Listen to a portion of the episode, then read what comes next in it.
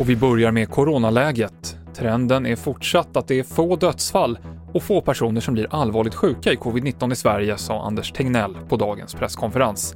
Men det lär inte bli ändrade restriktioner eller rekommendationer den närmaste tiden.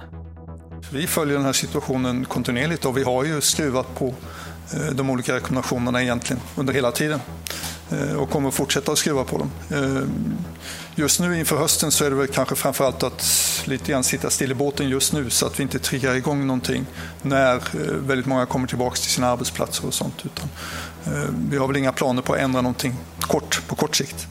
Åre är den svenska kommun som drabbats hårdast av arbetslöshet under coronapandemin, rapporterar SR.